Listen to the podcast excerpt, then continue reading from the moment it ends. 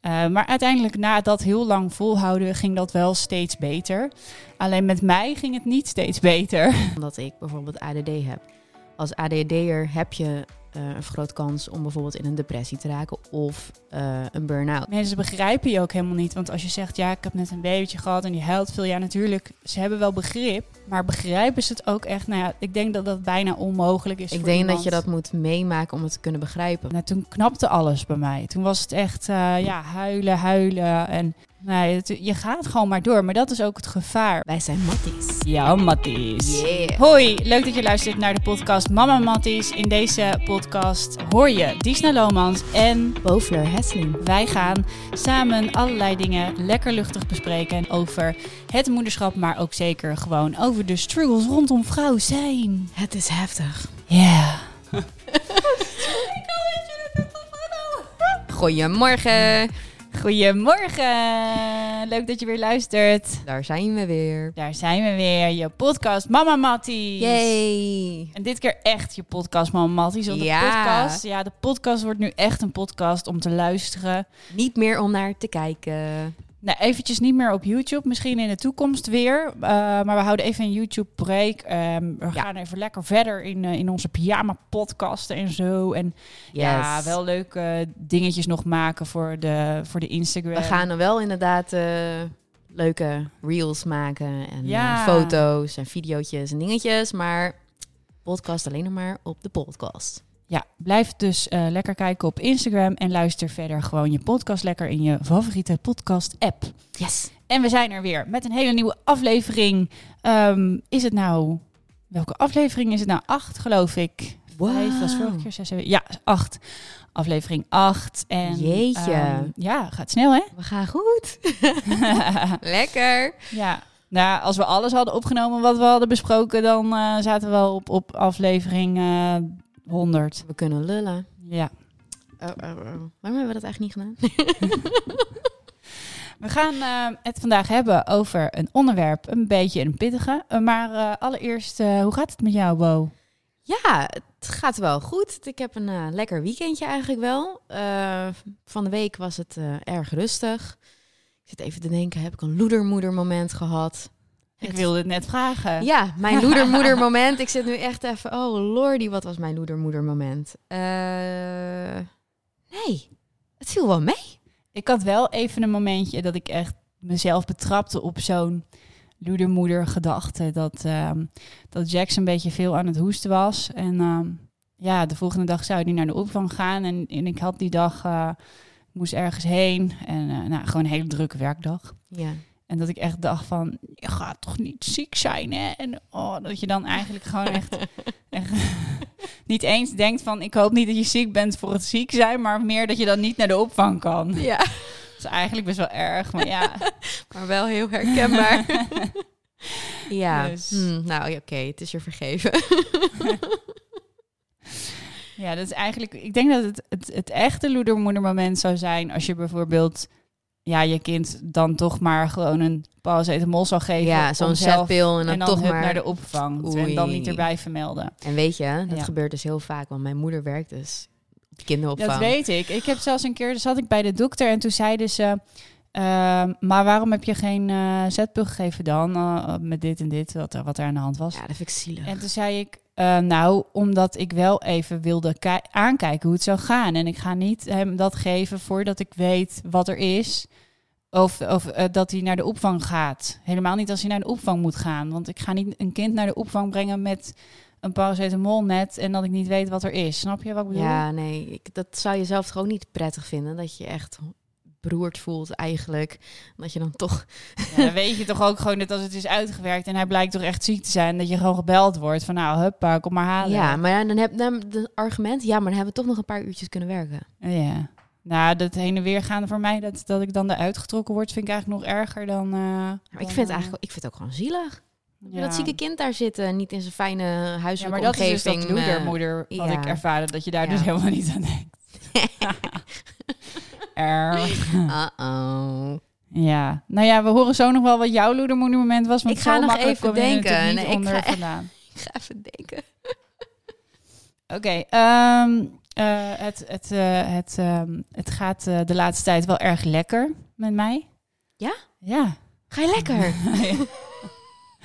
ik dacht, ik vertel het maar als je het niet vraagt. Dat is mijn loeder vriendin moment.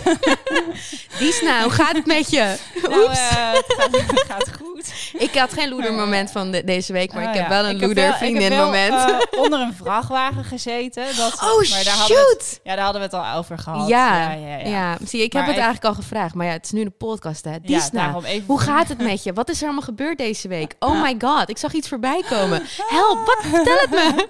Ja, stress, stress. Ik raakte in stress. Ik zat in een auto die ik niet gewend ben. En eh, toen stopte er een vrachtwagen voor mij en toen sloeg mijn auto af. En ehm, ja, het was echt zo'n trekker met nog zo'n oplegding erachter. Dus hij zag mij helemaal niet. En toen wilde ik mijn auto snel aandoen om natuurlijk naar achter te gaan.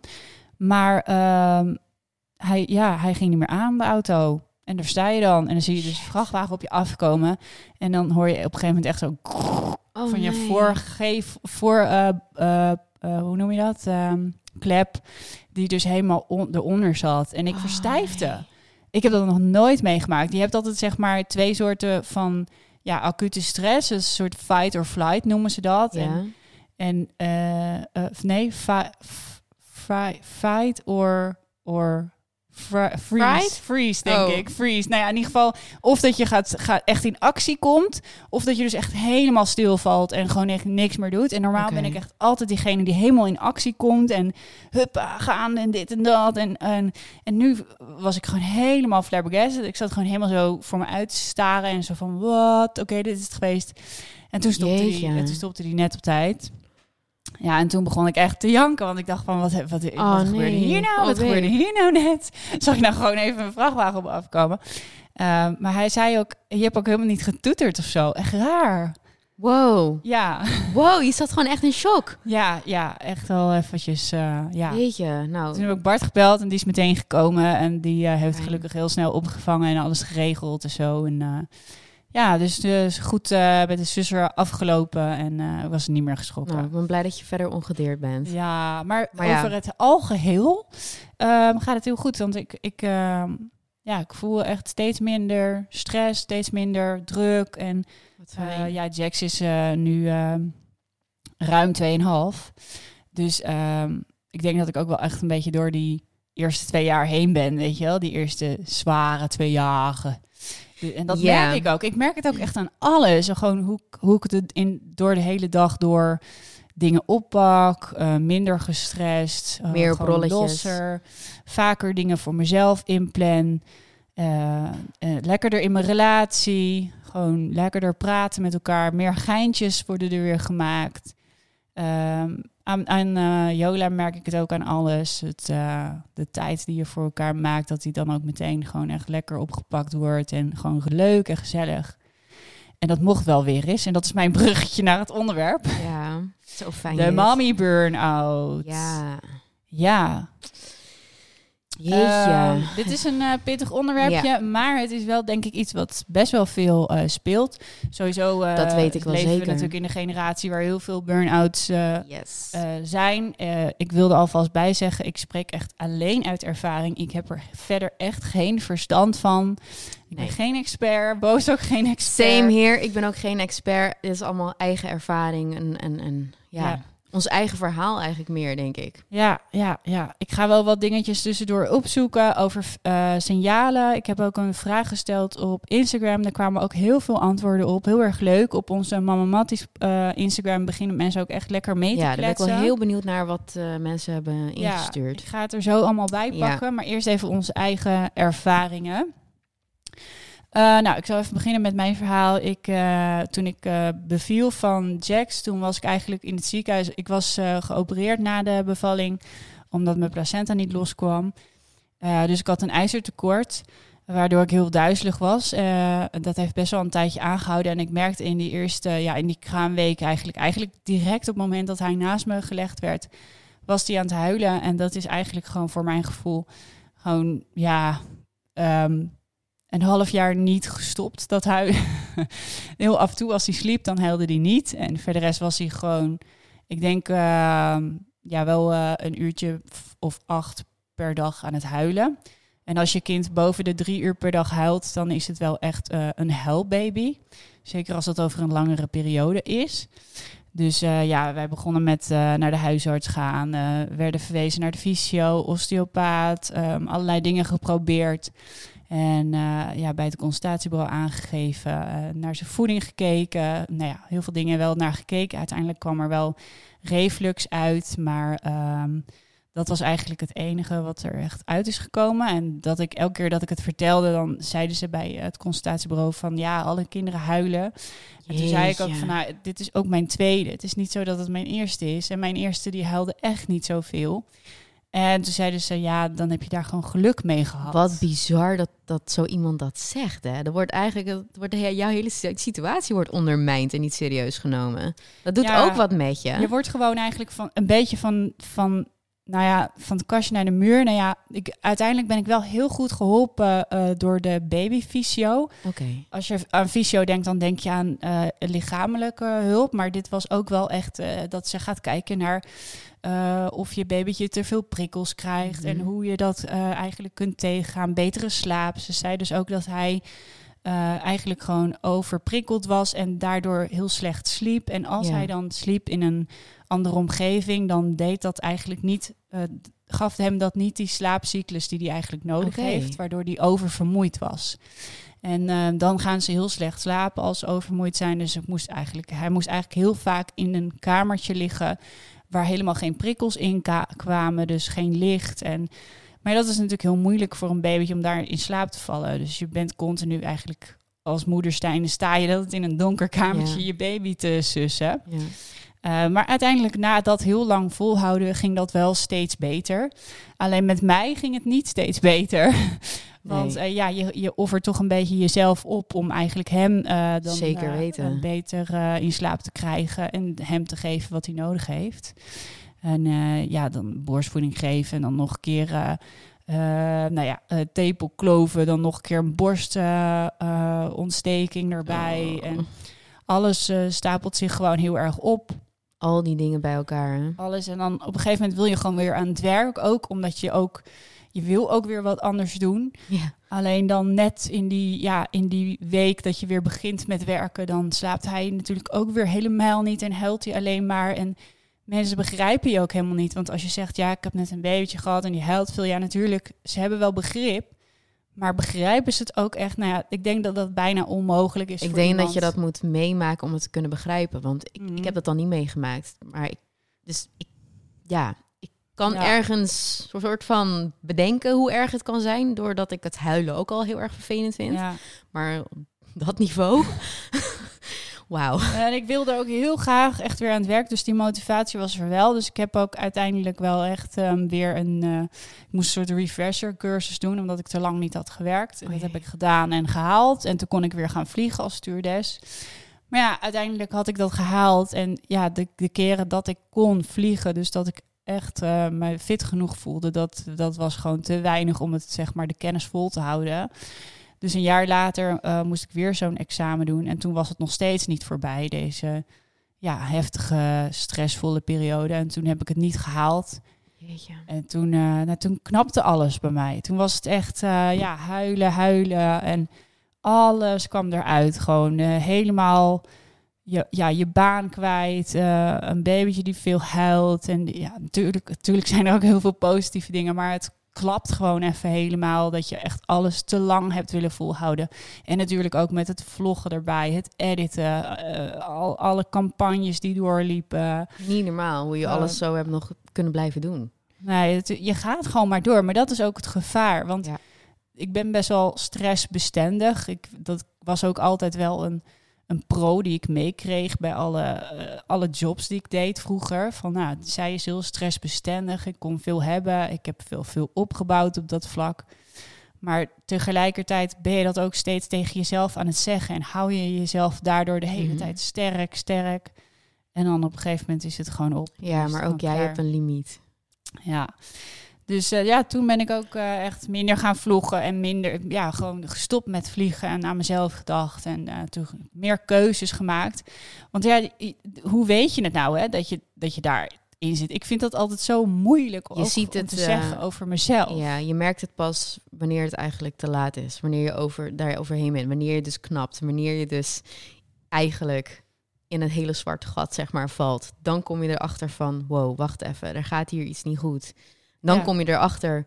Maar dan kijk je terug en dan zie je ook van hoe lang het eigenlijk al gaande is. Ja, dat. Ja. Ja. en dan zie je van wow, ik loop hier eigenlijk al jaren mee bijvoorbeeld. Of vanaf hier was een beetje het keerpunt. Vanaf hier ging het zeg maar minder. En dan zie je eigenlijk een beetje hoe je ja, aan het aftakelen was. En hoe moeilijk alles ging en, en waar het eigenlijk mis is gegaan. Maar dat is altijd pas achteraf. Het begon bij mij bij dat ik gewoon steeds zei: ja, maar dit is nu, dit is nu even druk. Dit pak ik nu nog Het even is een op. fase. En daarna, Hey. ja. ja, maar dat is dan naar de kinderen toe, maar naar jezelf toe. Gewoon van ook met werk. Van Ja. ik pak dit nog even op. Zeker als je als zelfstandige werkt. Dan, Ja. dan daarna neem ik wel rust. Daarna neem ik wel rust. Maar dat daarna, dat kwam gewoon helemaal nooit. Want er kwam altijd wel weer wat tussen. Zeker. Totdat ik gewoon mijn werk gewoon niet meer goed kon uitvoeren. Omdat ik heel vergeetachtig werd. Ja, oh ja. Oh, dat vergeetachtige. En daaraan, daaraan merkte ik het echt. En keuzestress. dus eh, dan was hij bijvoorbeeld aan het huilen. En dan had ik even snel gedoucht. Voor zover lukte. En dan liep ik naar mijn kledingkast toe. En dan kon ik, kon ik gewoon. Dan kon ik gewoon echt helemaal verstijfd voor die kast staan. En dan ik kon gewoon niet meer kiezen wat ik aan moest doen. Gewoon echt zo dat je echt zo kijkt naar je kleding en dat je echt denkt van ja, maar? Eh. En dan heel vaak had ik maar wat aangedaan. En later ging ik maar weer wat anders aandoen. Maar ik kon gewoon niet kiezen. En die vergeetachtigheid, het is ook gewoon, ja, echt voor je werk is het gewoon verschrikkelijk. Niet te doen. En dan eh, eh, wordt hier gezegd op, ik zit nu even te kijken op de ouders van nu site. Ja. Vergeetachtig inderdaad. Je bent vaak kortaf. Dit kunnen dan signalen zijn. Hè? Maar ja, het kunnen natuurlijk ook gewoon ja, dingen zijn die spelen omdat je gewoon moe bent. Doordat je Nou net ja, snel geïrriteerd, denk ik. Kort af, je kunt niet zoveel hebben. Veel moe. Verslonst je dagelijkse routine. Ja. Ehm, ja, dus ik vind, het, ik vind het heel lastig. Want het zijn ook wel weer allemaal signalen die je sowieso ervaart als je net moeder bent geworden. Nou ja, Dus de ene wel, een ander misschien wat minder dan de ander. Ik denk dat het heel erg persoonlijk is. En ik denk, als het maar gewoon een korte periode is, dat je wel kunt bedenken: oké, dit is gewoon eventjes een fase voor Ja. jezelf en de hele situatie dat je gewoon eventjes moet wennen. Maar, zolang, maar zodra iets langer dan maanden duurt, of misschien zelfs wel jaren of een jaar, ja, ik denk dat het dan wel tijd wordt om aan de bel te trekken, om even te kijken van gaat het wel goed. En wat waren jouw signalen? Mijn signalen, ja, die zijn dan net iets anders ontstaan. Bij mij is het ook wel in een privé situatie ontstaan door relaties die niet helemaal lekker liepen. Maar ook omdat ik bijvoorbeeld ADD heb. Als ADD'er heb je eh, een groot kans om bijvoorbeeld in een depressie te raken of eh, een burn-out. Nou, bij mij dan niet echt in depressies, maar wel in een burn-out. Omdat de dagelijkse dingetjes van een ADHD'er kosten net eventjes wat meer energie. Dus dat betekent dat je dag in dag uit constant, constant een beetje extra gas aan het geven bent om gewoon de meest standaard dagelijkse dingetjes voor elkaar te kunnen krijgen. Eigenlijk om gewoon mee te kunnen draaien in de maatschappij. Wat er van je wordt verwacht en de dingen die je moet doen. Dus ik ben altijd al een beetje, zeg maar, on the edge van oké, moe, dit, dat. En heb je ook nog eens een keer een privé situatie die dan niet lekker gaat. Eh, ook een ZZP'er. Dus dat, dat, dat zijn een hoop dingen allemaal bij elkaar die er bij mij eigenlijk voor hebben gezorgd dat ik in een burn-out terecht ben gekomen. En dat heb ik al jaren. Ik ben dan nu herstellende van een burn-out. Ik ben er echt nog lang niet. Maar ehm, ja, en, en dan is je relatie over. Alleenstaande moeder van drie kinderen. eh, extra druk. En heb je natuurlijk ook wel... ik had dan wel twee kindjes. Die, nou, geen huilbaby's, maar wel een pittig karaktertje. Eh, ja, dat heeft er ook echt wel voor gezorgd dat je dingen wat minder goed kunt handelen. Dat het allemaal weer extra veel eh, ja, druk. Ja, En het staat ook, ik, ik was het eventjes aan het Ja. opzoeken, want ik was even benieuwd hoe hoog dat percentage nou ook weer was. Dat kan ik even zo 1, 2, 3 niet vinden. Maar ik weet wel dat ehm, als je eh, ADHD of ADD Mhm. hebt, dan heb je een verhoogd risico sowieso al op een burn-out. ja. En als je eh, heel vaak komt ADHD of ADD ook pas eh, naar boven nadat een vrouw eh, een kindje heeft Oh, gekregen. Ehm, en eh, ja, dat, dat zijn gewoon dingen die wel natuurlijk allemaal in verband staan met elkaar, omdat het gewoon ehm, ja, ook kan leiden tot die piek die je dan eigenlijk bereikt, waardoor je het gewoon niet meer aan kan. En Ja, waardoor je ja, dus ja, eigenlijk die. Dus eerst is het zeg maar overspan. Ik zie het altijd eh, in mijn hoofd, zie ik het als een soort vuurtje die gewoon continu brandt. Ja, ja, ja. en dat die zeker. gewoon op is. En dan Ja, ja, klopt. burnt out, Ja. afgebrand. ja, afgebrand, opgebrand. Je bent op. opgebrand. En Ja. omdat je dan ook nog te kampen hebt met ADD, dat je dat Zeker. dan... dat- alles dat kost dan meer sneller- moeite. Alles, Is, Alles. alles, iedere dag kost weer extra moeite om gewoon je dagelijkse dingetjes te doen. En dat kan heel vermoeiend zijn. Kijk, je, je leert op een gegeven moment echt wel tools. Maar het betekent niet dat het weg is. Het kost nog steeds allemaal net eventjes wat meer moeite. En het is ook wel gewoon op een gegeven moment leren. Maar dan kom je dus achter door dat je in een burn-out terechtkomt. Om ook gewoon prioriteiten te stellen. Is dit nou echt zo belangrijk? Nee, oké, dan laat ik het lekker even liggen. Weet je, Ja. Op tijd je rust pakken. Op tijd grenzen aangeven. Ja, dit gaan we doen. Nee, dit gaan we niet doen. Maar dat leer je pas doordat je er eigenlijk eerst doorheen moet, doorheen gaat. En dan pas leer je een beetje van oké, wacht. Sowieso structuur houden is natuurlijk ontzettend belangrijk überhaupt voor jou al. Nou ja, voor een ADD'er is van zichzelf nou niet echt gestructureerd. Je hebt- nee, dus structuur is, wel, is lastig. is wel belangrijk voor jou. dus ja, maar nou, dat, dat merk misschien is dat ook wel nog een reden waarom de ADD er echt uitkomt als je moeder bent geworden. Want je krijgt ineens te maken met dat je heel erg aan structuur moet houden. Je krijgt echt kinderen moeten naar school, moeten eh, leren. eh, En dat is tijd. dan En ineens je gaat echt een extra opgave. Een extra opgave dat je heel erg op tijd moet gaan leven. Nou, Moet nu probeer Op tijd komen is sowieso heel tijden. moeilijk. hè? Je bent continu bezig met de klok. Hoe laat is het? We moeten dit doen, we moeten dat doen. Op tijd komen is altijd wel een dingetje. Ik zet mijn wekker altijd eh, heel vroeg en dan blijft die continu sluimeren om 10 minuten.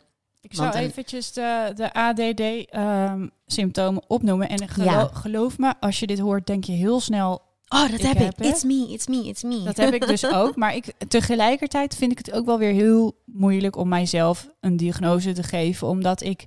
Kijk, als ik zeg, ik ben druk in mijn hoofd...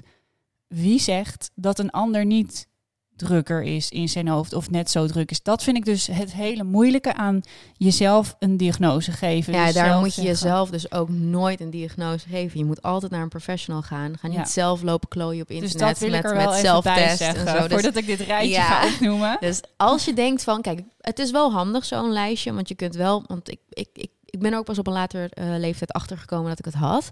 Ik voelde me altijd heel erg een outsider en ehm, ik ben niet slim of ik ben niet dat of ik ben niet zus, terwijl ik eigenlijk wel alles heel erg goed kon en uiteindelijk bleef wel dat de intelligentie daar zat. Het was alleen, ik had een heel ander ding waar ik mee te maken had. Dat is dus de ADD, maar dan moet je, heb ik echt door een professional natuurlijk laten uitzoeken. Dus dat kan nog wel op latere leeftijd, kan je dat laten ik was eh, boven de twintig. Ja. ja, ik had voor mijn dyslexie, eh, was ik, ehm, hoe oud was ik? Zat in de, zat, was ook laat. Ik Dat zat kun je nu de- nog zelfs doen. Ja, oh ja, dat wil ik ook echt. Ik zat in, eh, voor mijn dyslexie zat ik in de eerste van de middelbare school. Ja. Eh, maar ik denk soms wel eens van, had, hadden ze dat ook maar getest? Ja, Want als ik dus deze dingen hoor, nou, moeite met concentreren, maar ja, dat is ook met dyslexie heel erg. Ja. Eh, afdwalen tijdens het luisteren. Vergeten, dat is ook waarom onze gesprekken soms zo chaotisch zijn. ja, jongens, dat heeft dus Wij te maken met dat, we heel erg chaotisch zijn. En soms vergeten we gewoon in ons Ja. gesprek waar we het over hebben. Eh, dat is de volgende vergeetachtigheid, druk in het hoofd, moeite met op tijd komen, uitstelgedrag. raakt- Zo, queen, queen en uitstelgedrag. Het is trouwens wel echt heel handig in onze situatie dat jij dus eh, eh, moeite hebt met op tijd komen en ik ook, want daardoor komen we altijd precies goed uit. het is echt zo. Raakt voortdurend spullen kwijt? Nee, echt net nog. Ehm, Snel eh, op dingen uitgekeken. Ehm, ja, maar niet op- in relaties. Ik ben wat dat betreft wel weer heel anders. Dus Oh, hier, hoor deze dan, hoor deze dan. Hier hoor je echt Disna. Begint aan dingen en maakt het niet af. En dan vind ik het bij jou nog echt... Jij begint aan iets en oké, maar dan moet je er waarschijnlijk wel echt onwijs veel passie voor hebben... al wil je ermee doorgaan, denk ik. Maar hoe ik jou echt, jouw dedication dingen... dan heb ik precies van, kijk, dat ontbreekt bij mij vaak. Ja, maar ik heb wel dan steeds weer een... Dat ik denk, oh, weer een nieuwe videoserie of weer een nieuwe podcast. Ja, oké. Ja. Heel vaak Yep, dan yep, yep. heb ik drie afleveringen en dan denk ik... Nee, ik heb nu weer een ander, nog beter idee. Laat maar weer dit. Oké, me. Perfectionistisch, dat heb ik Extreem. niet. Nou ja, dit is ook wel... even terugkoppelen naar die hele burn-out, Ja. is omdat ik extreem perfectionistisch ben naar mezelf en alles wat ik doe. Dus als ik iets doe, dan moet dat ook perfect zijn. Eigenlijk, en eigenlijk alles wat je bij mij ziet online of wat dan ook, vind ik niet goed genoeg. Maar dan gooi ik het maar gewoon online, omdat het online moet verschijnen. Maar ik ben zo extreem perfectionistisch dat ik mezelf daar eigenlijk een beetje mee kapot maak. ja. De druk leg ik zo heftig op mezelf, dat het allemaal zo perfect moet zijn. Daar, daar ga je aan onderdoor als mens. Nou ja, je hoort ook wel vaak dat mensen dan bijvoorbeeld al heel lang heel graag ergens aan willen beginnen. En dat ze dan Het niet niet doen, doen. omdat Ja. ze denken het eerst perfect te willen hebben. Ja.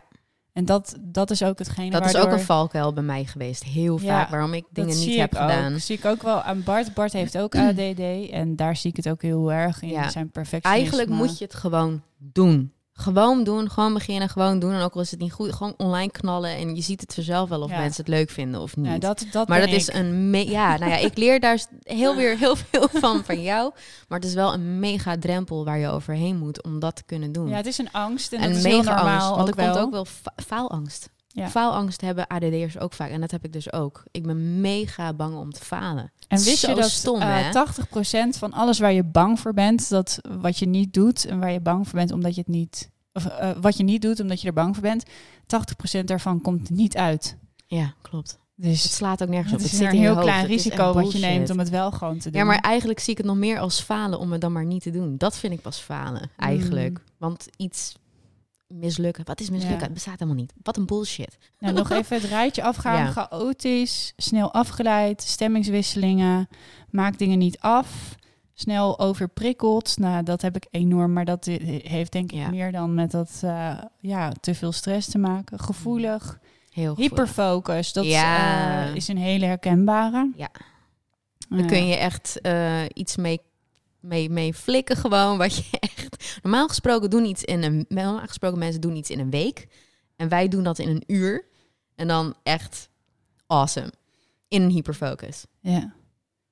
Maar dat vind ik dus een hele moeilijke vergelijking van wat, hoezo normale mensen, denk ik dan. Want hoe, wie zegt niet dat heel veel mensen een soort knop Nee, nee, nee, nee. Kijk, weet je, weet je eh, hoe ik eigenlijk... Dat is mijn persoonlijke mening, hè? Nogmaals, ik ben echt geen kenner. eh, maar ik denk dat je het brein gewoon een beetje moet zien als een soort... Ja, zie je dit mengpaneel wat ik nu voor me heb hier? Ik heb zo'n podcast mengpaneel met allerlei schuifjes. En ik denk dat iedereen gewoon wel dezelfde schuifjes heeft. Maar op bepaalde vlakken staat dat helemaal omlaag of helemaal omhoog. En zo gaat het eigenlijk met al deze symptomen je, je emotie, je dingen, hoe je, waar, waaruit je handelt, wanneer je iets ergens bang voor bent. Eh, natuurlijk, ja, dat, dat heeft allemaal te maken met hoe deze schuifjes staan afgesteld. En ook eh, met wat voor opvoeding je hebt gehad, eh, emotionele dingen die je hebt ervaren. Vooral in die eerste zeven jaar van je leven. Dat soort dingen neem je allemaal in die schuifjes mee. En zo Ja. staan ze afgesteld. Ja. Alleen ADD heeft dan natuurlijk wel echt iets te maken met je hersenen. Ja, het, eh, je hebt ook gebrek aan dopamine. Ja. En dat merk ik zelf bij mezelf dus heel erg. En ehm, stel er is een bepaalde situatie en bij een normaal werkend brein, dan krijg je een soort van die dopamine boost of, of, of gewoon dat gevoel van, oh, maar dit moet ik nu echt doen. Ik Ja. moet dit nu echt regelen, bla bla bla bla. Bij mij komt die boost pas wanneer het of te laat is of net, net op het laatste momentje dat je eventjes die rush Oh, krijgt van ja. stress van nu moet je het doen, want je hebt nu nog maar een uur. En dan kun je dus in die crazy boost die je dan krijgt, kun je zoveel voor elkaar krijgen. En wat ik denk dat met een normaal brein misschien niet eens echt heel erg haalbaar is. Omdat Dus je daarom gaat Bart ook altijd op het laatste moment laatste moment. doen. Ik ga, ik ga eigenlijk, wat dat betreft, qua dingen voor elkaar krijgen, heel goed. Dus op in stresssituaties, omdat ik dan word geactiveerd. Mijn brein wordt dan geactiveerd. Dan werk ik. Oh ja, nee, Ja. ik heb dat. Dan ga ik dus fouten maken als ik te laat aan iets begin. En dan wordt het echt een afgeraffeld zooitje. Oh ja. Dus, ehm, nou ja, ook wel heel leuk dat er bij de symptomen ook staat gevoel voor humor, intelligent en creatief. Ja, emotioneel betrokken. creatief. En heel empathisch. Ja, dus emotioneel betrokken. Het zijn allemaal dingen die ik echt heel erg herken van Bart. Ik denk zelf toch dat ik eh, misschien niet helemaal ehm, positief uit test. Ik ben dus niet getest en ik weet het dus ja, ook je schijnt dus ook dat je een combinatie hebt van ADHD, ADD. En ja, vaak er is ook weer een nieuwe naam voor, hoorde ik. Heeft het een nieuwe naam? Een hybride. Wij zijn de nieuwe vorm hybride. Ja. Nee, ik, ik eh, I, I don't know. Maar ik, eh, ik vind het zeker wel eh, een punt om gewoon serieus ehm, mee te nemen. En zeker in het verhaal van als je dus gevoelig bent voor een, ehm, om een, een burn-out, oftewel een mommy burn-out. In mijn geval denk ik wel echt een mommy burn-out. En bij jou misschien Bij mij is het een echt wel... mommy, mommy met een burn-out. Nou, het is eh, een ADD'er die sneller in de burn-out terechtkomt en daarin terecht is gekomen. Want eh, het leven gecombineerd met relatie-issues, eh, alleenstaande moeder zijnde, mijn eigen grenzen niet kennen, door blijven gaan wanneer je eigenlijk moet stoppen. En dan echt alles, alles, alles, alles, alles bij elkaar. Dus ik heb het ook al echt heel erg lang. Ja, dat, Ja. Het, het schijnt ook een echt on- ontzettend lang herstel Het klopt. En. Ehm, bij mij is het zo dat het komt en het gaat, maar dan is het eigenlijk niet weg. Eigenlijk zit het er nog steeds, maar je denkt dat het weg is. Dus dan ga je er weer helemaal vol voor. En voor je het weet zit je er weer in. En dat is een ongoing proces bij mij. Eh, het gaat echt als eh, ups en downs, ups en downs, ups en downs. Dus dit is nu voor het eerst dat ik eigenlijk echt even de tijd neem om, ja, hoe moet ik het zeggen, beter worden, te herstellen. Om weer, zodat ik er niet weer in terugval. Mhm. Dus het is echt een beetje tranquilo. Rustig aan. Ja, Mijn grenzen kennen. ik ben er ook nog steeds wel dagelijks mee bezig. Dat ik ook steeds wel. Dat ik soms word ik daar ook wel weer een beetje moe van. Weet je wel, dat ik de hele Ja. tijd denk van hoe sta ik er nu in of zo. Ja, weet je wel, ja, dat ik aan het heel het aan het beredeneren Je bent ben denk ik mezelf, gewoon ook heel nou erg- gestrest ben of niet. Ik denk dat je ook dat de angst er wel is om erin terug te vallen. Want je weet hoe erg het is. Je weet hoe verschrikkelijk het voelt. Ik bedoel, ik heb afgelopen jaar heb ik vijf keer in de supermarkt gestaan dat ik mijn pincode niet meer wist. Dat ik ja, oh, zo ik heb herkenbaar. echt, ik heb Oh, vijf wat keer opnieuw, ja, ik Ja. heb vijf keer opnieuw mijn pincode moeten aanvragen, omdat ik het gewoon niet meer wist. En dan had ik hem aangevraagd, en had ik het papiertje en had ik hem ergens neergelegd, maar dan wist Ja. ik niet meer waar. Kon ik opnieuw aanvragen. Moest ik weer helemaal moeilijk gaan doen met mensen serieus, om geld wel- over te maken, omdat je kan mijn wel janken gewoon. het was verschrikkelijk, want je voelt je een moron. Je voelt je zo'n falend persoon. Dat had Ja. ik dan. Ik voelde me echt een Ik falend ben persoon. één keer echt in huilen uitgebarsten. Dat ik, Zwaar. dat ik mijn pincode niet meer wist. Ik zat toen, ik, eh, mijn kies moest eh, getrokken worden. En ik had zo'n pijn dat ik hem maar eruit wilde laten trekken. Ja. Toen zat ik bij de noodtandarts. En eh, die heeft me toen gewoon een eh, antibiotica voorgeschreven. Dus ik had nog steeds die pijn. En ik zat daar en toen zeiden ze... Ja, je kan alleen pinnen. En, en hij komt zo aan met zo'n apparaatje. En ik, en ik pak mijn pasje en ik, ik, ik be- begin gewoon keihard te janken. Oh, en dan nee. die assistent echt zo, wat is er? Ik zeg, ja, ik weet mijn pincode gewoon niet. En, en ik, ik, ik, heb mijn, eh, ik wist ook niet meer... Oh ja, ik had altijd onder een aparte naam in mijn telefoon had ik het staan. En die naam wist ik ook niet meer. Oh, Lord. Dit, is, dit is zo herkenbaar.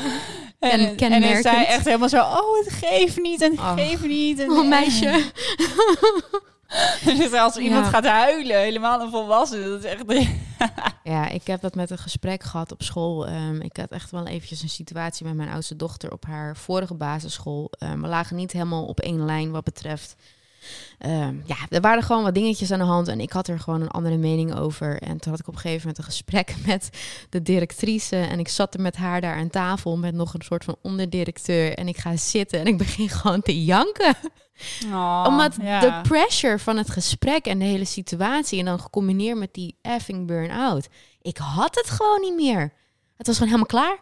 En dan breek je in ene op de meest stomme situaties... waarin je eigenlijk niet wil ja, kapot gaan, weet je wel. En dan komt het Ja. er in ene allemaal uit. Ja, nou ja, dat soort... soort- situaties, hè. ja, een soort onmacht, een soort Ja. schaamte. En, alles gewoon niet gaat meer- door je heen. Je weet het niet meer. Je Nee, lichaam die je slaat denkt ook op- echt, ik wil echt weg hier. Ik Je wil wilt- weg hier, echt. Je lichaam doet wat maffe dingen met je, hoor. Als je in een burn-out zit. Er gebeuren echt rare dingen. Ja. Ik bedoel, ik, ik vertel nu nog niet eens echt helemaal alles, omdat ik ook wel een beetje wil. Ja, Mm. kan ik alles wel vertellen? Omdat het natuurlijk ook wel heel erg privé ligt, een heleboel dingen. Maar er zijn zoveel situaties die dan kunnen voorkomen uit een burn-out. Dat je echt gewoon even niet meer zo goed weet. Wat is er? Wat gebeurt hier? Dus ja. Ja. als je dit herkent, als je luistert, ga alsjeblieft naar de huisarts. Ja, kunnen je staat- echt helpen. Het staat bij mij echt helemaal in verband met het huilen. Want het komt ook alleen terug als Jax huilt. Zo'n trigger. Ja, gisteravond had hij dan weer dat hij om de 10 minuten echt ging huilen. En dan, ehm, ja, gelukkig heb ik er gewoon heel veel over gepraat met Bart. Die weet ook heel goed van zij kan dat huilen. Dat is gewoon echt, het is eigenlijk een soort PTSS. Dat je gewoon een soort... Ja, het is een, een, trau- een trauma. Ja, Ja. ja misschien En, een E EMDR'tje. Alle hokjes worden erbij gepakt, maar eh, alle labeltjes worden lekker geplakt Nee, kijk, eh, mijn, eh, mijn moeder is psychologe, dus ik krijg Oh, het ja? altijd van haar mee. Oh, zij, zij is ja. gespecialiseerd in EMDR, dus ik hoor Oh, trauma. jee. Oh, EMDR'tje. Ja, le- we, we- iedereen loopt gewoon zijn hele leven allemaal kleine traumaatjes op. Hè. Dat is ook gewoon bijna niemand is helemaal zelfverzekerd. Iedereen heeft wel zijn onzekere dingetjes. tuurlijk, en dat tuurlijk, zijn allemaal weten. kleine traumaatjes die je gewoon als kind zijnde hebt gekregen. Als alleen al de tekening die altijd mooi gevonden werd door je ouders ineens niet meer interessant is. Dat is al een, een beschadigingetje eigenlijk. Ja, en dat, ja dat, maar dat is toch een moment wat daar gaat komen. Ik bedoel, Ja, ja, je, je blijft ze niet in de, in de lucht Nee, ik- voor ja. harkenhanden en dat soort dingen. Nee, nee, kijk, ik heb Ja. serieus wel een vriendin die dus ehm, na de bevalling in, in, in, in een mega trauma eh, situatie is terechtgekomen. Die had dus ook een huilbaby. Zij heeft daar dus wel echt EMDR voor gekregen. Ja. Omdat het maar niet wegging. En het bleef een trigger. En dat, dat, dat bleef een heel groot probleem in haar leven. Maar het heeft haar echt geholpen. Want ze is nu weer helemaal happy, happy, joy, joy, zeg maar.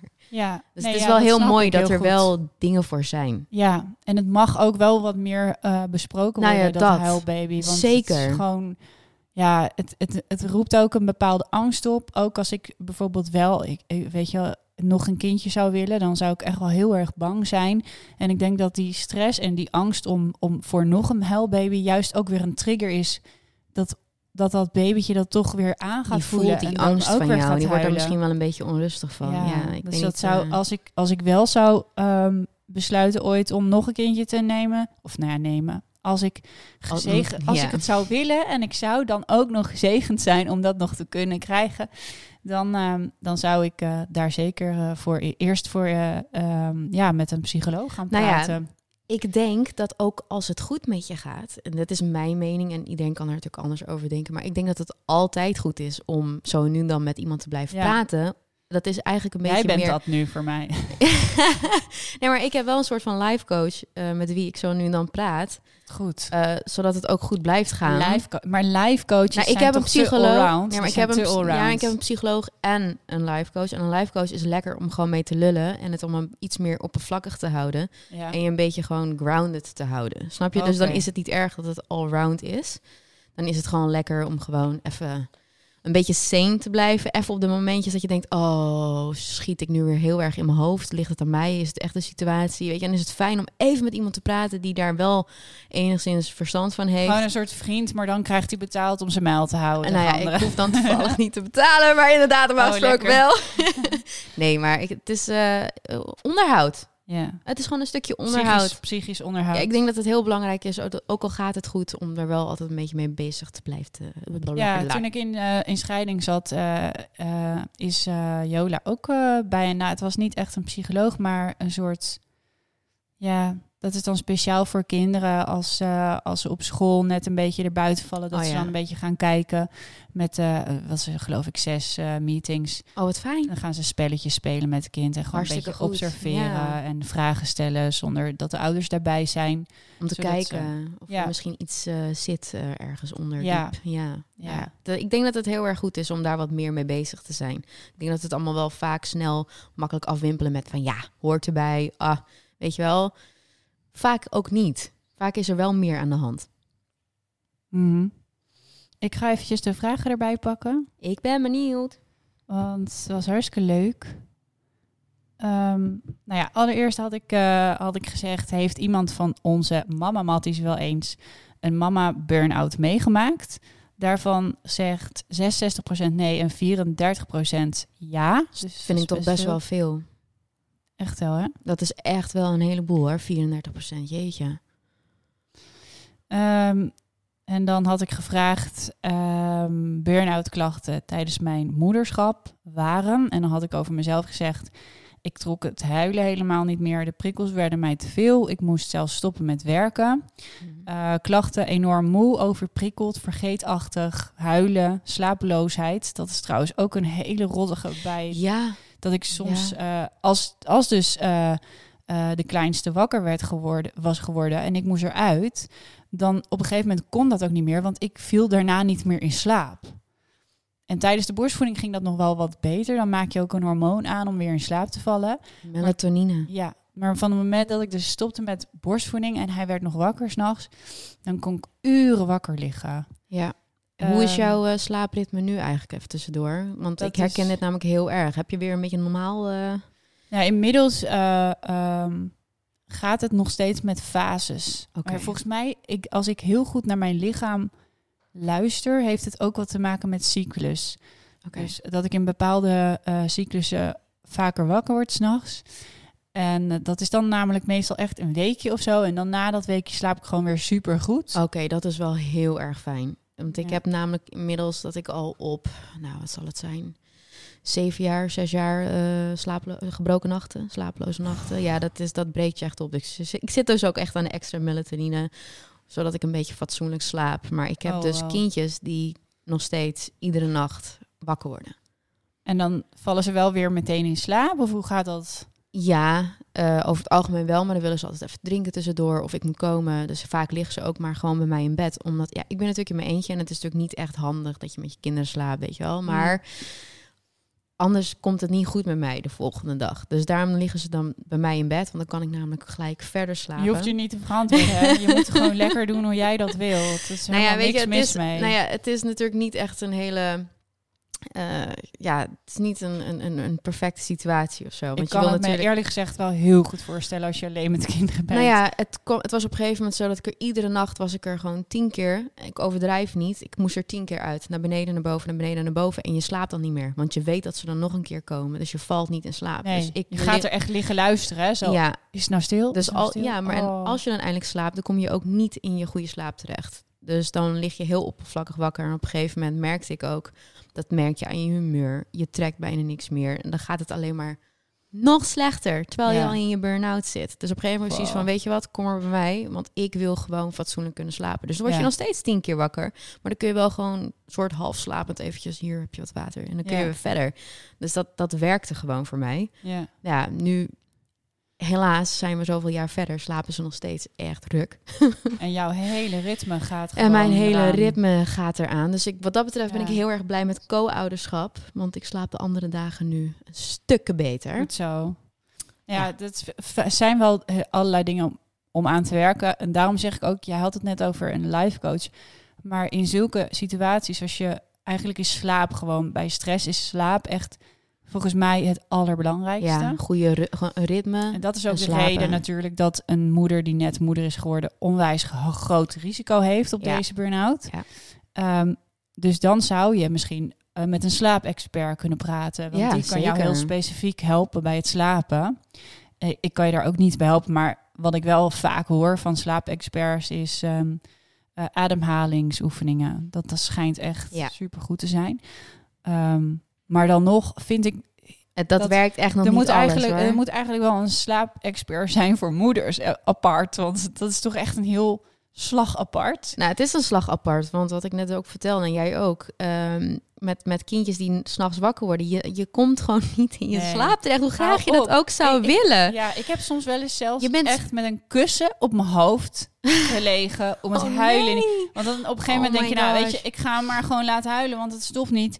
En dan ga je met een kussen op je hoofd gedrukt liggen. Nou, dat werkt natuurlijk helemaal Oh, niet. ik, had, ik zou niet weten wat ik had gedaan in jouw situatie. Ik denk dat ik echt, ja, ook sowieso, eh, dat het gewoon bij je in het bedje liggen of zo, weet ik veel. Je weet het gewoon niet meer, denk ik. Ja, ik heb dus wel, eh, ik, ik zit heel dit vast te houden. Klachten waren dus eh, nog niet, had ik nog niet allemaal gezegd. Slapeloosheid, structuur kwijt, emotioneel. En mijn kleine eh, klusjes werden een opgave. Ja. Eh, dat, dat is ook gewoon echt, dan ga ik er als een berg tegenop zien. Terwijl het maar heel, ja, eigenlijk als je het dan doet, dan denk je, nou, waar maak ik me druk om? Maar Valt dat druk maken om het alleen al doen, dat werd dan zo groot. Dan kon ik zo opblazen in die tijd. Ik Dat had het al met eh tandenpoetsen in de avond, dat dat al een hele opgave Ja, was. dat ja. je eigenlijk al volledig instort. En dat gewoon het idee van, ik moet nu nog naar de badkamer om mijn tanden te poetsen en Oh. make-up af te halen. Dus dan werd het alleen maar tanden poetsen en fuck make-up. Maar die is eerlijk gezegd nog niet helemaal weg hoor bij mij. Ik heb dat nog steeds wel. Nou met, ja, met ik- de- tandenpoetsen. Dat ik echt Ik van, herken het. Oké, adem in, adem uit. Je gaat nu tanden Ja, poetsen met het blijft- Ook omdat het blijft het een soms zo'n gevecht is. Hè? En dingen die een gevecht zijn. Je weet dat er struggles gaan komen. Dat er opstand Dat gaat is komen. meer met douchen bij mij. Met de kinderen. Ja. Oh. Poetsen doen ze nu echt Ja, heel ik erg ben goed. eigenlijk benieuwd eh, wat, eh, wat er allemaal voor reacties zijn Ja, gekomen van eh, anderen, wie, wat anderen hebben ervaren. We dwalen weer af. Oh, Bo. ja, het is dat ik het de hele tijd in mijn hand heb hier. Ik zwaar. Oh ja, nou nog even terug naar de vraag om het goed te snappen nog. Eh, burn-out klachten tijdens mijn moederschap waren en dan komen nu jullie antwoorden. Ehm, zwaar, zo zwaar dat mijn kind nu uit huis geplaatst is. Ik was alleenstaand. Oeh, oh, die hakt er wel even meteen in. Wow.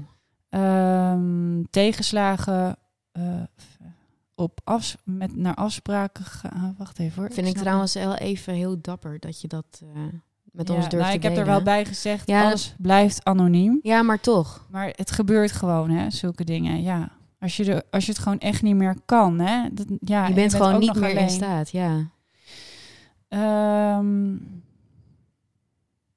niet meer op een afspraak kunnen komen met de huisarts, afgebeld in verband met twee krijzende kinderen. Nou, weet je, ehm, ik, ik snap wel enigszins dat het ook heel erg moeilijk is om aan dingen toe te komen. Want als jij serieus twee huilbaby's hebt, dan je, heel veel mensen zeggen ja, dan moet je even een afspraak hier maken, moet je even een afspraak daar maken, maar ja. zelfs daarvoor heb je gewoon kracht niet. Nee, nee, heel herkenbaar dit. Huilen. Het huilen werd te veel. Ik was er liever kwijt dan rijk. En dat gaf me dan weer dat enorme schuldgevoel. Ja, dat is het ook, hè? dat schuldgevoel. Mhm. Geïrriteerd naar de kids en naar mijn man. Geen zin meer om iets te ondernemen. Huilen om alles. Jeetje. Het gevoel hebben dat ik nooit aan kinderen had moeten beginnen. Hem liever uit logeren brengen. Eh, iemand anders zegt weer. Ik werk nu als stresscoach. Eh, had zelf heel erg veel last van uitstellen, terugtrekken, angst en moeheid en opgejaagd voelen. Jeetje, dat is mijn gevoel. Daar herken Ja. ik mezelf dus heel erg in. Ja.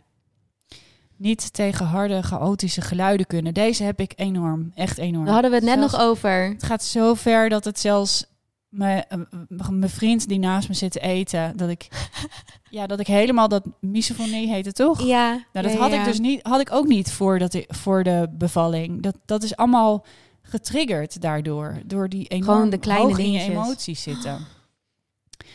Ehm, ik zit er nu middenin. Ik werk inmiddels ook niet meer en ik ga naar de praktijkondersteuner. Eigenlijk alles wat jullie allebei benoemen. Vergeetachtig, extreem moe, geduld, geen geduld, kort lontje, snel boos, niks Ja. kunnen hebben. Ja, ja, ja, ja, ja. Vermoeidheid, genieten van de, niet meer genieten van de dagen, futloos en eenzaam. Ehm, ik kreeg gewoon kortsluiting en ik vergat alles. Dat. Kortsluiting. dat is een heel goed, eh, een goede, goede omschrijving. Oh, Kortsluiting. de- deze is ook wel herkenbaar. Het werd mij soms heel erg te veel. Dan deed ik expres mijn AirPods in en dan hoor ik ze niet. Nou, dit is niet de reden overigens dat ik heel vaak mijn AirPods in heb hoor. Dan ben ik gewoon echt naar Oh, een die is nou, dus daarom heb je Nee. AirPods in. Nee, maar ik heb het volgens mij wel eens tegen mensen gezegd. Van, weet, je, weet je, zo gek is het niet. Doe gewoon die dingen. Ik zei het gisteren nog tegen mijn, tegen mijn schoonmoeder. Want die hadden eh, mensen die echt vlak achter hun huis aan het verbouwen waren. Ja. En eh, ja, dan, dan is best wel lekker zo'n noise cancelling ding. Dan is het wel Maar fijn, je moet ja. daar wel voorzichtig mee zijn. Want ik heb die dingen dus zo vaak in mijn oren... dat ik ze laatst niet in mijn oren had in de action. En toen werd ik dus helemaal belaagd door, door alle prikkels om me heen. Oh, toen je dacht ik, niet meer oh, ik heb die dingen niet in. Ik word helemaal, helemaal hysterisch. Ja, want ik heb ze dus altijd in winkels, heb ik ze altijd in. Want ik heb echt een hekel aan al die prikkels in een winkel. Ik kan niet zo goed, eh, maar dat heb ik altijd al gehad hoor. Had ik ook voor eh, mijn bevalling. Ik kan niet zo goed tegen drukke winkels. Ja. Dat, dat, ja, dat, dat zoekende publiek en dan overal bij de, als je ergens bij wil, dan staat er iemand voor je te, te neuzelen. En oh, dat kan ik al heel slecht tegen.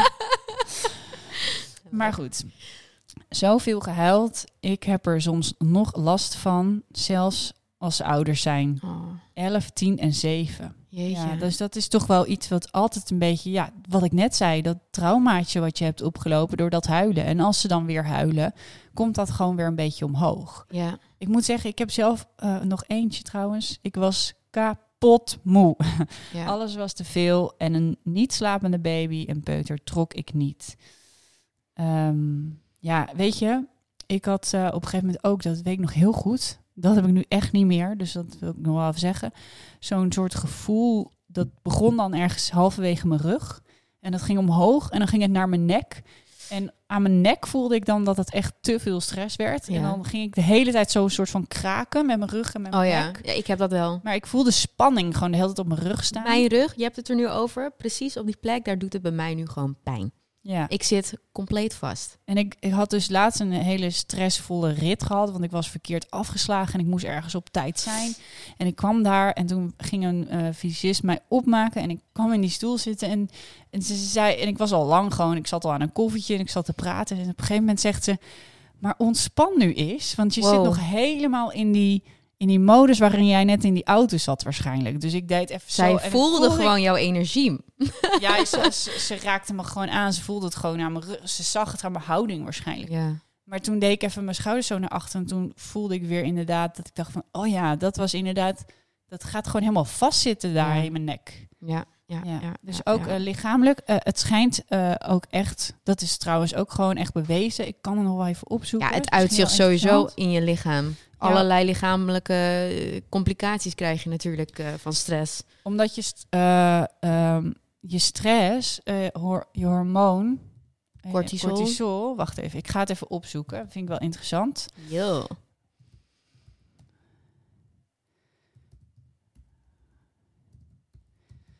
Ineens is het stil. Ik zit even te denken, wat kan ik zeggen? God. je, eh, je cortisol, ehm, wetenschappelijke artikelen over cortisol, gevolgen van stress. Bij langdurige stress blijft ons lichaam namelijk te veel cortisol produceren. Cortisol is een neurotoxische stof die bij grote hoeveelheden in het bloed de hippocampus beschadigt. En een ontregelende hippocampus levert problemen op, waardoor je dus ja, lichamelijke klachten kunt krijgen.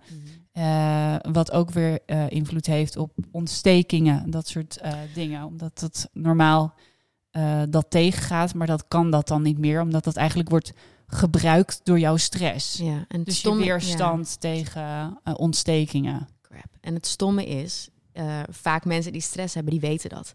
Maar, en dat is dus wat ik dan weer heb, ik krijg dan juist nog meer stress, doordat ik weet dat stress Oh zo slecht Oh, voor je nee, is. Dus eigenlijk is het een hele stressvolle Nee. aflevering Ja. voor jou. Sorry. Nou ja, nee, maar dat is gewoon stom, want je weet dat stress onwijs slecht voor je is en dat het gewoon je, je lichaam kan beschadigen en dat het allemaal slechte dingen met je doet. Dan krijg je daarover weer nog meer stress, want je wilt dat niet, want je wilt goed voor je lijf zijn en je wilt goed voor jezelf zorgen. Oké, dan moeten we nu even dit omdraaien. Dus ik ga zo meteen Oh. even mindfulness in, ehm in mijn zen-modus. Wat gaan we doen aan de Ademhalen. stress? Nou, ik- Ademhalen ook buik, hè? Dus niet hoog ademen. maar Vanuit je buik Vanuit je ademhalen. buik. Weet je hoe moeilijk dat? Dan moet je Nou, echt het stomme is dat ik dat dus altijd al doe. Ik doe eigenlijk altijd al heel veel aan mindfulness. Dus ik hoop dat het enigszins helpt met die hele cortisol verhaal.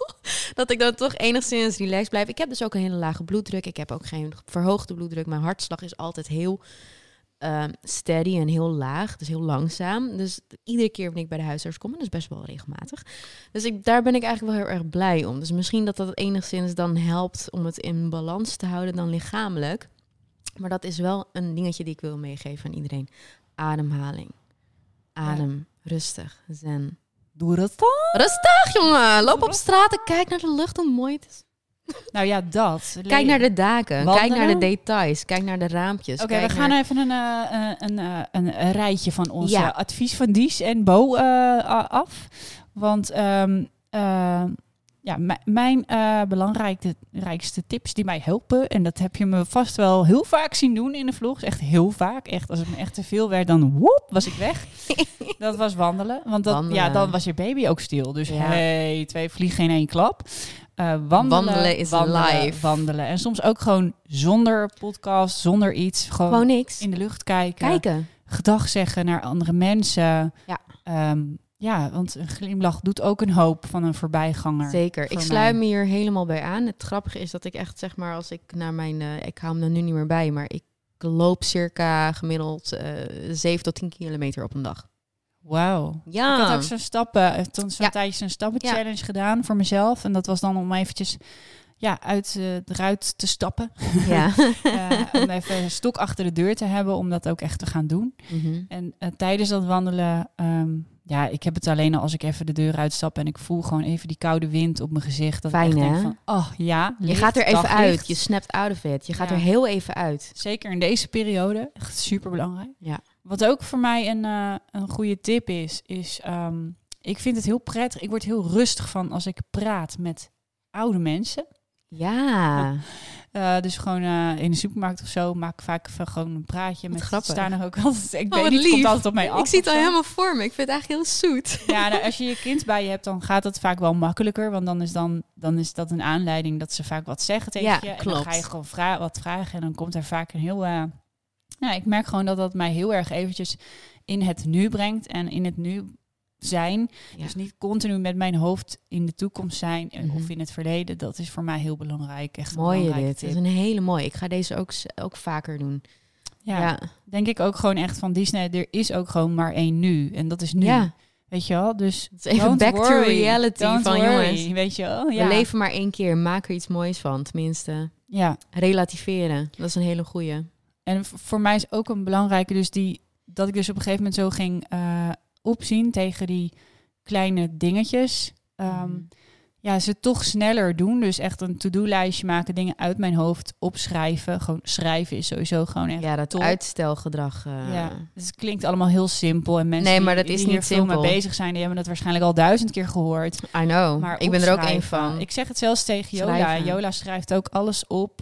En dan kan ze ook beter slapen. Ik zeg ook altijd, als je niet kan slapen, pak gewoon een, een schriftje, leg het naast je bed en ga Ja. gewoon maar wat schrijven wat je, wat je niet wil vergeten.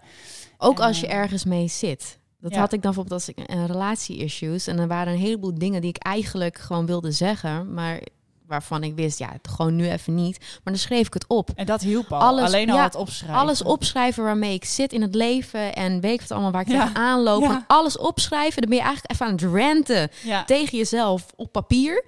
Of op je telefoon, op je, op je, op je notebook. En dan is het daarna ook gelijk, ah, het is eruit. Ja, Bam, oh, zo lekker. En dan kon ik, en dan kon ik slapen. Ja, ik heb dat ook wel eens gedaan, inderdaad. Ook met relatie-issues. Ja, want je hebt de dan- neiging om dan- gelijk tegen diegene dat te soms zeggen. was ik 's ochtends was ik weer wakker en dan dacht ik, ja, dat ga ik helemaal niet vertellen. Ja, precies. Ja, dat. Nou, inderdaad, dat je gewoon blij bent van... Oh man, I dodged the bullet hier. Want ik Ja. heb het even opgeschreven en het is er nu uit. En ik hoef het eigenlijk nu ook... Ik, het, het is weg. Dit is echt een hele belangrijke. Ja, dat denk ik wel. Ja, ja. en ook gewoon to-do-listjes. Dus niet, en dan niet natuurlijk onrealistische to- to-do-listjes voor jezelf, maar... ehm, eh, Gewoon de simpele dingen. Het zijn Ja. echt de simpele dingen. Wat ik ooit Van wc schoonmaken is, of eh, zo. Schrijf alles op. Alles, ook alles. de simpele dingen. En ga daarna ehm, ga je hele to-do-lijstje zeg maar soort van ontleden met je agenda ernaast. En dan ga je leren plannen. Ja, want je wilt het ook niet allemaal. Want dat is weer een gevaar van to-do-listjes. Niet van alles in één to-do-lijstjes. keer. Want dan heb je een lijst voor jezelf. En heb je ook nog eens een keer het gevoel van... Shit, maar nu moet ik het ook allemaal doen. En heb je heel veel dingen opgeschreven. Nee, inderdaad, wat jij zegt. Ja, Verspreid ze over een aantal dagen. En het is oké als je ze niet allemaal gelijk... ja, wat ik het liefste doe is op zondagavond een planning maken. Dus een soort, eh, ja, dan begin ik eigenlijk met een to-do-list. Een hele lange to-do-list met wat wil ik nou eigenlijk allemaal doen deze week. Ja. En dan eh, begin ik die to-do-list weer naast mijn agenda te leggen en het allemaal in te plannen. Nou ben ik wel nog steeds zo iemand die denkt heel veel te kunnen doen in een dag.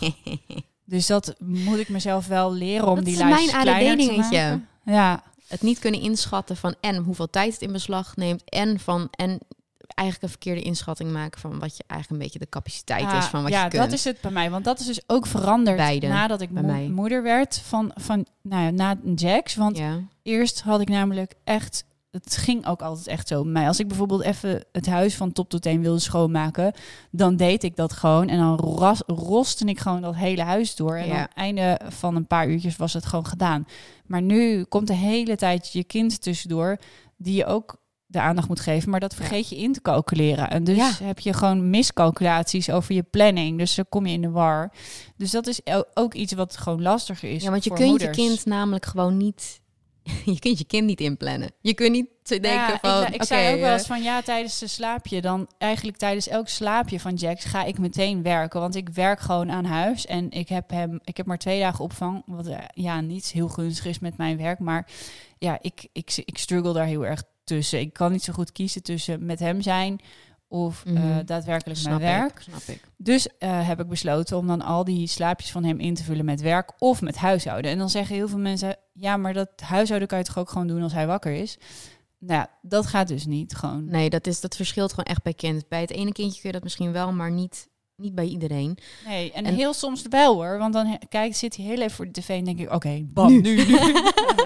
maar dat valt dus niet te plannen. Dat Nee. is niet te planbaar. Dus En ik denk dat ook dat zijn ding- dat het niet lukt. Ja. En ik denk dat dat een dingetje is dat je voor jezelf moet leren om het los te laten. Dan is het maar oké dat het gewoon niet gebeurt. En daar heb ik zelf dus ook wel heel erg moeite mee gehad. Ik word Ja. er beter in. Loslaten. Dat woord. Oké, we hebben het over de volgende tip, loslaten. Ja. Of misschien kunnen we het beter op een positieve manier zeggen. Want loslaten klinkt zo moeilijk. Ja, vind je? Eh, ja, heel Ik vind het eigenlijk wel heerlijk. Gewoon let it go. Ik laat ik het hou los. meer van het embracen van It dingen. is what it is. dat is Embrace mijn nieuw... Embrace it. Ja, It, is what it is. Dat is It mijn is- nieuwe levensmotto. It is what it is. En als ik dat dan tegen mezelf zeg... Ja, maar loslaten klinkt zo. ehm, ja, wat, je, wat bijvoorbeeld tegen je gezegd bent als je een, als je een dierbaar iemand bent verloren. Of oh, ja, op een gegeven oh, moment. je hebt een hele, het- associatie, hele andere associatie ja, mee. Het, het is oh, wat best wel zwaar bij mij. Ja, oké. Ja. Oei, minder grappig. Oh, misschien ook eh, eh, ja, in de periode dat eh, Bart geen relatie met mij wilde. Ja, die zei je moet hem loslaten. Oh, dat is een die trigger voor jou. Dat is heel Oh. pijnlijk. Is ook gewoon- ook een ja. PTSS-je. Ja, Ja. plak hem maar. Of nee, Oh, was dat? EMDR'tje. Ik vind hem goed. Oh jeetje. Nee, maar ehm, oké, dus dan moet jij er gewoon een ander woord voor eh, gebruiken. Ja. Maar ja, Oké, nog meer tips. Hebben we nog meer tips? tips, Hebben we nog meer tips? Ja, heel Eh. veel eigenlijk. Muziek luisteren, dat is Muziek. mijn uh, bam. Zet hem op en ik ben in another world. it gets me through the highs and lows. Ja, en dan eh, Yep. soms zit ik ook op TikTok en dan he- zit ik helemaal niet te kijken naar die films, maar dan zit ik gewoon met al die muziekjes zo. La. yay! Mijn hele eigen fantasie ben ik dan. Zit ik in mijn fantasie in zo'n soort videoclip als een soort Beyoncé sta ik dan op zo'n podium. Love it, love it. Heerlijk dit. Same. Ja, ja, ja. Nee, muziek is, werkt heel therapeutisch. Voor mij ook inderdaad. Heb ik altijd al gehad vanaf kind tot nu. Het, Ja. Muziek is live. Muziek is echt... Ja, Ja. zet muziek op. Mhm. Zet het op. Ja. ja. Z- zeker, zeker. En hele foute romcoms en comedies. ja? Gewoon even Ja. zitten en gewoon een hele foute film kijken of een serie. Daar word ik dan weer helemaal happy van. Weer Ja. helemaal vrolijk. Weer gewoon feel good Ja, films. eens. Ja. Eens, helemaal top. Gewoon even weer een aflevering Friends. Ja, en inderdaad niet eh, van, die, van die hele spannende series als Nee, ontspanning nee, zien. nee, want dan gaat je hartslag ook omhoog. Ja, hè? nee, gewoon even gewoon die, van die feel goods. Van die simpele dingen waar je niet bij hoeft na te denken, maar waar je gewoon een happy feeling bij krijgt. Hartslag heel belangrijk. verlagende eh, activiteiten. En ja, en wat Ja. mijn psychologe zegt, vooral heel veel dingen doen waar je happy van wordt. En waar je blij van wordt. en- En Maar sporten. ja, weet je, maar we niet, kunnen wel dat ja. rijtje afgaan. Maar inderdaad, als jij niet het type bent om te gaan sporten en dan weerstand en dan word je voelt- daar ook niet happy van. Nee, Ga dan, dan ga je, moet je weer helemaal door die weerstand heen van ja, maar Ja. ik wil eigenlijk niet sporten, maar ik ga dit doen, want het is goed voor me. En dan heb je door die weerstand weer stress opgebouwd. ja. En ja, misschien als je het kunt zien, als je het stipje aan de horizon kunt zien waarvoor je eigenlijk sport, dat, dan lukt het wel. maar begin dan lekker met wandelen of zo. Er zijn zoveel dingen die je kan doen. Maar echt. Oh, zoveel. Dansen! dansen, dansen, in je dat is- woonkamer. ja, Zet een paal in je woonkamer. Precies. precies. Nee, dansen is voor mij ook een dingetje. Ik doe het iedere dag met de muziek op. Dansen, dansen, dansen, dansen, dansen, dansen, dansen. Je hoeft het niet kunnen, maakt geen reet uit. Gewoon lekker dansen. Be- ja, Ja. het is toch bewegen, maar op een leuke manier. Voor ons werkt dit. En kun je ook met de kinderen doen. En voor, voor mij werkte trouwens ook in die, in die mommy burn-out tijd heel, heel erg fietsen. Ik heb heel veel gefietst. Ja. Voor, voor mij waren het ook wel activiteiten die ik moest gaan doen met hem. Om hem ook zeg maar rustig te maken. En ik zag hem helemaal genieten van dat fietsen. Dat was dan in de lente en dan zat hij lekker voorop. En dan, Oh, en dat windje door Oh, zijn weet- haar. Ja, dat was Oh. helemaal. En dan voelde het ze ook echt als een soort me-time voor ons tweeën, die hij ook nodig had. En dat is wel fijn, want dat is ook wel weer even voor jullie samen dan. ja, maar kijk, weet je, hij is ook een soort van over. Hij is ook wat. Dit wat, moet voor hem verschrikkelijk zijn, Hij al die is diegene buien. die steeds huilt. Dus Ja. Er moet bij hem wel iets onder zitten. En, Zielig eh, eigenlijk, hè. Ja, maar gelukkig weten ze het later niet echt meer, toch? Thank God. Oh, dat Thank huilen. God. Zo zielig. Oh, mannetje, zo lief. ja, het is gewoon een heel gevoelig mannetje. Ja. ja, Ja. dat wel echt. Maar dat heeft ook wel weer heel veel voordelen natuurlijk. Hè? Het is Zeker. niet alleen maar het huilen. Het is ook emotie in lachen en in... Ja, gewoon, gewoon Een mooi mensje. echt, ja, heel, heel...